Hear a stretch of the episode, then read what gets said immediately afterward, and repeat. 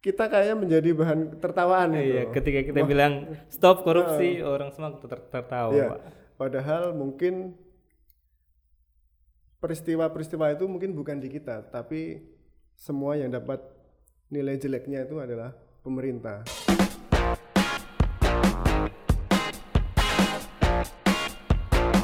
Halo Sobat Ji, kembali lagi di Ngekos, ngobrolin tentang edukasi, komunitas, dan tips, bukan hanya tentang bea cukai. Pada kesempatan ini kita kedatangan tamu yang sangat-sangat spesial, ada Pak Surya Utama. Selamat datang di podcast kita Pak. Ya, terima kasih Mas Andi. Bagaimana kabarnya hari ini Bapak? Alhamdulillah baik, sehat semuanya. Uh, jadi teman-teman, uh, Pak Surya ini menjabat sebagai Kepala Seksi Kepatuhan Pelaksanaan Tugas Pengawasan di Kanwil Bea Cukai Sulawesi Bagian Selatan. Dan bisa dibilang uh, seksi Bapak ini yang in charge soal WBBM ya Pak? Iya betul betul. Tapi teman-teman di KI sepakat nggak Pak kalau bilang kalau kita bilang bahwa KI itu in charge soal WBBM gitu? Oh enggak, sebenarnya enggak. Ini karena WBBM ini sebenarnya bukan hanya soal kepatuhan internal karena kepatuhan internal kalau di konten BBBM-nya tuh hanya sebagian aja porsi mengambil porsi sebagian di tempat yang lain atau tempat bidang-bidang yang lain justru malah banyak juga. Jadi ini kewajiban semuanya seharusnya bukan hanya KI baik. Ini kita ngomong soal WBBM pasti teman-teman belum tahu nih apa ini WBBM sebenarnya? Mungkin bisa disampaikan ke sobat Ji dulu Pak. Eh, sebenarnya WBBM itu apa, zona integritas itu apa, WBK yeah. itu apa. Oke, okay, Sobat Ji yang berbahagia di mana pun berada, WBBM itu singkatannya adalah Wilayah Birokrasi Bersih dan Melayani. Itu dari singkatan. Kalau dari pengertiannya, WBBM itu adalah suatu predikat ya yang diterima oleh suatu organisasi apabila dia memenuhi beberapa kriteria. Nah, kriteria Baik. itu ada penataan perubahan, ada penataan SDM, ada akuntabilitas, ada pengawasan, ada juga keterbukaan informasi publik. Nah, semuanya itu harus diraih, hanya harus memenuhi segala kriteria itu. Nah, itu baru bisa dapatkan predikat, predikat. Nah, hmm. itu. Bedanya sama WBK apa, Pak? Ya, kalau soal beda dari segi pengertian hanya ada satu kalimat yang berbeda yaitu adanya peningkatan kualitas pelayanan publik. Itu kalau dari pengertian ya. Oh, kalau berarti BPK, ada penambahan ada kriteria penambahan gitu, kriteria, Pak. Kalau di BBBM ada peningkatan kualitas pelayanan publik. Nah, kalau dari segi realita di dalam sebuah organisasi ada sedikit perbedaan. Yang terutama yaitu harus ada peningkatan kualitas. Nah ini gradingnya sebenarnya barangnya sama hmm. nih BPK sama BBM sebenarnya sama. Kalau bisa kita ibaratkan ini adalah sebuah mobil gitu. Sebuah mobil misalnya Avanza gitu. Ya. Ada yang tipe G, ada yang tipe Veloz. Nah, BBM ini yang paling tinggi nih, oh. Veloznya. Padahal barangnya sama nih sebenarnya, sama-sama mobil kalau iya. dilihat sama, tapi yang satu tipe G, yang satu Veloz. Nah, ini yang grade yang paling tinggi yang seharusnya memenuhi kriteria yang paling tinggi untuk sebuah organisasi pemerintah gitu untuk meraih itu tadi kan WBBM hmm. itu yang paling tingginya ya Pak. Iya. Untuk meraih itu kan kita tidak dengan begitu saja kan yeah, Pak. Ada hal-hal yang perlu diperbaiki, ada yeah. hal yang ada inovasi-inovasi yang iya, dilakukan. Yeah, nah untuk di Sulbaksel sendiri, di Kanwil Bea Cukai Sulbaksel sendiri, apa yang sudah dilakukan untuk meraih itu Pak? Ah, yang sudah kita lakukan nih Sobat Ji, untuk diketahui, kita pertama adalah melakukan penataan dari dalam, yaitu manajemen perubahan.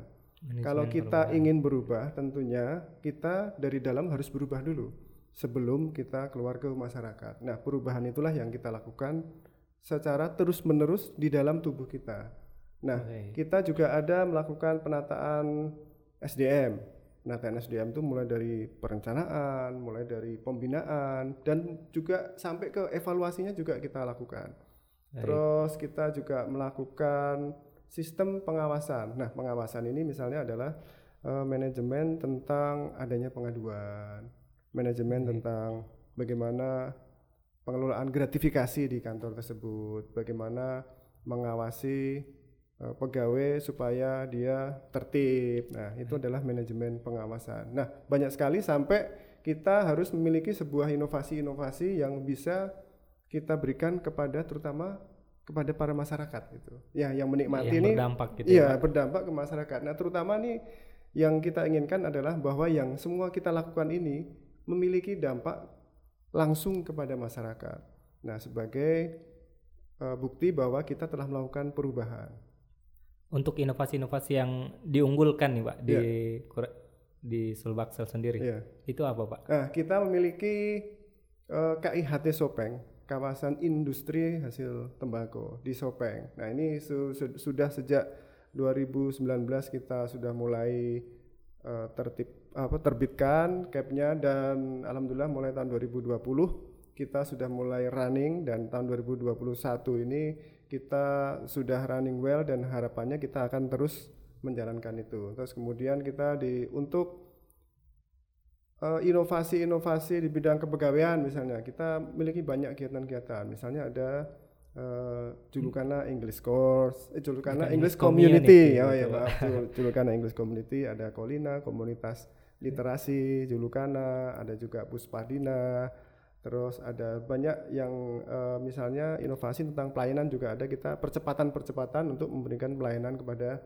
masyarakat. Nah, itu semua kita berikan demi untuk menciptakan eh, sebuah pelayanan eh, good governance yang benar-benar bisa dinikmati oleh masyarakat. gitu. baik bapak Hmm. Eh, gini bapak tadi eh, kemarin kan saya juga sempat eh, terlibat soal survei jadi kan pada Oke. saat eh, kemarin itu kami ada survei terkait WBBM Hmm. nah salah satunya eh, responden kita adalah media pak. Iya. nah saya menyampaikan lah eh, ini ada link survei untuk diisi gitu kan Pak, kurang lebih. Ada satu pertanyaan yang cukup membuat saya berpikir pak. Iya. jadi eh, teman-teman media bilang begini feedbacknya buat kami sebagai masyarakat apa? Kayak gitu. Nah itu kira-kira seperti apa pak jawabnya? Iya, gini mas, kalau kita berubah itu, kita kan ini melakukan perubahan baik dari dalam maupun dari luar. Nah, Baik. perubahan itu atau pelayanan kita itu juga harus bisa diterima oleh masyarakat.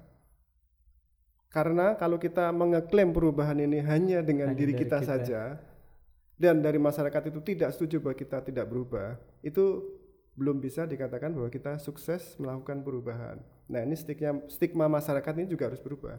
Kalau perubahan atau kalau eh, pikiran masyarakat itu menganggap bahwa bea cukai itu belum berubah, ya kita harus melihat dari dalam diri kita sendiri eh, apa yang masih kurang dari dalam diri kita ini. Kenapa orang-orang itu masih menganggap kita kok belum berubah? Tetapi kita kan bisa lihat eh, apa yang mereka komplainkan. Kalau komplain masalah pelayanan akan kita perbaiki dari sisi Oke. pelayanan. Kalau komplainnya masalah komunikasi ya akan kita perbaiki dari komunikasi. Nah, kalau komplainnya masalah yang lain bukan terkait dengan kita, tentunya akan kita sampaikan kepada pihak-pihak yang terkait kan gitu. Eh, let's say kita mendapatkan predikat itu pak Ya. WBBM Kanwil Bea Cukai Sulawesi bagian Selatan meraih predikat WBBM Hmm. gitu terus manfaat untuk masyarakat secara umum apa pak Nah, masyarakat ini atau untuk kita dulu pak Ah. kalau misalnya kita meraih predikat itu manfaatnya buat kita apa Iya. pak WBBM itu adalah sebenarnya adalah miniatur dari reformasi birokrasi. Birokrasi. Ya. Oke. Karena reformasi birokrasi itu menitik beratkan pada delapan area perubahan dan enam area perubahan itu ada di sini, ada di Oke. BBBM itu. Yang tadi yang ada manajemen perubahan, ada penataan tata laksana, ada penataan SDM, keterbukaan informasi eh, apa, pelayanan publik, Pelayanan publik. ada pengawasan. Nah itu di situlah reformasi birokrasi. Nah reformasi birokrasi itu harapannya adalah mewujudkan pelayanan kepada masyarakat yang benar-benar bersih dan dilakukan oleh orang-orang yang profesional. Nah ini harapannya outcome-nya ini kembali lagi ke masyarakat. Nah, manfaatnya kita harapkan selain kita bisa membuat pegawai kita tuh lebih profesional dalam menjalankan tugas, Baik. tentunya tugas yang kita laksanakan tuh harus benar-benar memberi manfaat kepada masyarakat. Dan yang bisa menilai apakah tugas kita itu bermanfaat bagi masyarakat adalah masyarakat. Maka akan kita kembalikan lagi kepada mereka bagaimana sih sebenarnya bea cukai itu sudah melayani, apakah sudah layak ini, apakah sudah bagus. Nah, ini kembali kepada mereka. Jadi semua yang kita lakukan ini pada prinsipnya ada dua manfaat yaitu yang ke dalam untuk diri kita Baik. perbaiki menjadi diri yang profesional dan juga kepada masyarakat supaya kita bisa menjadi sebuah organisasi yang dipercaya oleh masyarakat dan juga memang benar-benar pelayanan kita itu adalah pelayanan yang terbaik buat masyarakat. Baik, jadi pada intinya hmm. uh, outcome-nya itu dirasakan langsung oleh masyarakat ya, Iya, Pak. betul. Oke, Bapak. Biar tidak biar tidak uh, monoton pembahasannya, Oke. Pak. Saya punya uh, foto. Mungkin kami butuh tanggapan dari Bapak ini Foto soal foto. nah, ini ada beberapa memes yang kami siapkan, Pak. Iya. Ini ada- gambar apa nih? Gambar, Ini ada gambar tikus. ini anggaran daerah katakan tidak pada korupsi. Nah, ini ada iya, ada iya, iya. eh, mungkin penekanannya Hmm. adalah katakan tidak pada korupsi. Nah, si tikus kecilnya itu cuma bilang tidak, Pak. nah, jadi seolah-olah hanya dikatakan tapi tidak dilakukan. Nah, Iya, menurut iya. Bapak ini seperti apa? Ah ya betul betul. Nah ini makanya nih untuk menilai secara objektif ini kita ada beberapa pihak yang bisa menilai. Yang pertama satu tentunya dari dalam diri kita. Kita harus bisa menilai bahwa diri kita ini sudah bersih atau belum. Nah kita harus berani menyatakan itu. Terus kemudian yang kedua yang bisa menyatakan ini adalah masyarakat. Bagaimana sih sebenarnya kesaksian masyarakat itu mengenai diri kita, potret diri kita? Nah ini seperti ini ini ada masyarakat yang bilang tidak gitu. Ini sebenarnya masyarakat ini percaya enggak ini? Kayaknya ada rasa-rasa tidak percaya gitu masyarakat. Tetapi kalau kita menyatakan itu tidak percaya kan harus ada mungkin pelakunya ya. Pelakunya yang oh dia masih begini kok bukan hanya katanya katanya Baik. Nah, itu harus eh, jelas itu. Kalau memang dia tidak benar, itu kan ya dia bilang aja tidak benar. Ini ada Pak, saya pernah lihat Pak, itu ada yang eh, main main mata. Nah, itu yang kedua, second layernya. Terus yang layer yang ketiga itu adalah aparat penegak hukum gitu. Misalnya Baik. KPK, BK. polisian. Nah, itu mereka bisa menjerat orang-orang yang melakukan praktik-praktik korupsi ini. Nah, itu adalah eh, tiga layer yang seharusnya bisa memberikan pandangan terhadap sud- berbagai sudut pandang terhadap organisasi kita. Ini sebenarnya masih eh, layak nggak sih ini or- organisasi ini disebut sebagai organisasi yang sudah bebas dari korupsi. Nah, itu. Baik, Bapak. Eh, perlu saya sampaikan juga bahwa kita ada layanan pengaduan ya, Pak. Iya, betul. Eh, mungkin bisa disampaikan ke sobat Ji, Pak melalui apa gitu. Ya, untuk layanan pengaduan kita ada SIPUMA, Sistem Pengaduan Masyarakat. Itu bisa diakses di www.beacukai.go.id langsung. Silahkan nanti di situ eh, mengadukan tentang pelaksanaan tugas kita. Silahkan. Atau barangkali butuh informasi juga bisa menyampaikan lewat saluran informasi juga. Jadi kalau ada yang dipersulit, ada yang eh, mungkin dilama-lamain, ada yang minta sesuatu, gratifikasi dan segala macam, ada pemerasan, silakan diadukan saja. Kita sangat terbuka, bahkan dalam SIPUMA ini atau sistem pengaduan ini termasuk adalah bagian dari penilaian bagaimana kantor itu mengelola menuju BBBM itu. Baik. Bisa di next. Aduh, ini gambarnya berat-berat semua ini. gambarnya. Oh, Nah, ini kayaknya tajam ini. ya, ini gambarnya tajam. Jadi di belakang ada Betul. zona integritas, no korupsi, tapi di depannya seperti itu. Nah, ini kan seakan-akan memes ini mengatakan bahwa Hmm. ah, zona integritas itu cuma slogan. Iya.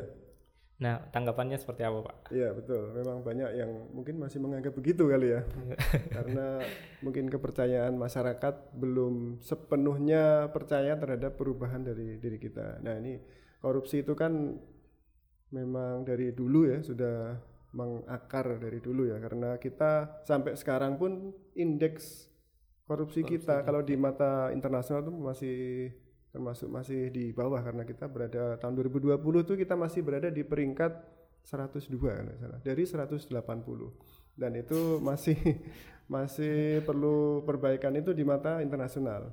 Kalau di dalam Kementerian Keuangan sendiri di Direktorat Jenderal Bea dan Cukai kita memiliki survei juga survei penilaian integritas tahun 2020 kita masih di angka 86 kalau salah untuk persepsi anti korupsi ya dari skor maksimal 100. Nah, ini slogan. Nah, ini dia. Seolah-olah ini kayak semacam slogan gitu aja.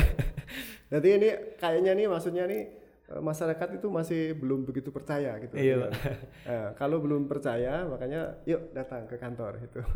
Iya. ya kita lang- lihat langsung apa yang sudah berubah. Biar bukan katanya-katanya Ah, lagi ya, Pak. bukan Kalau katanya Pak katanya-katanya. Kanwil gitu, jangan Ah, ah. katanya-katanya aja. Iya, dan ini pakai peci lagi ini ya kan. Iya. Oke, bisa next.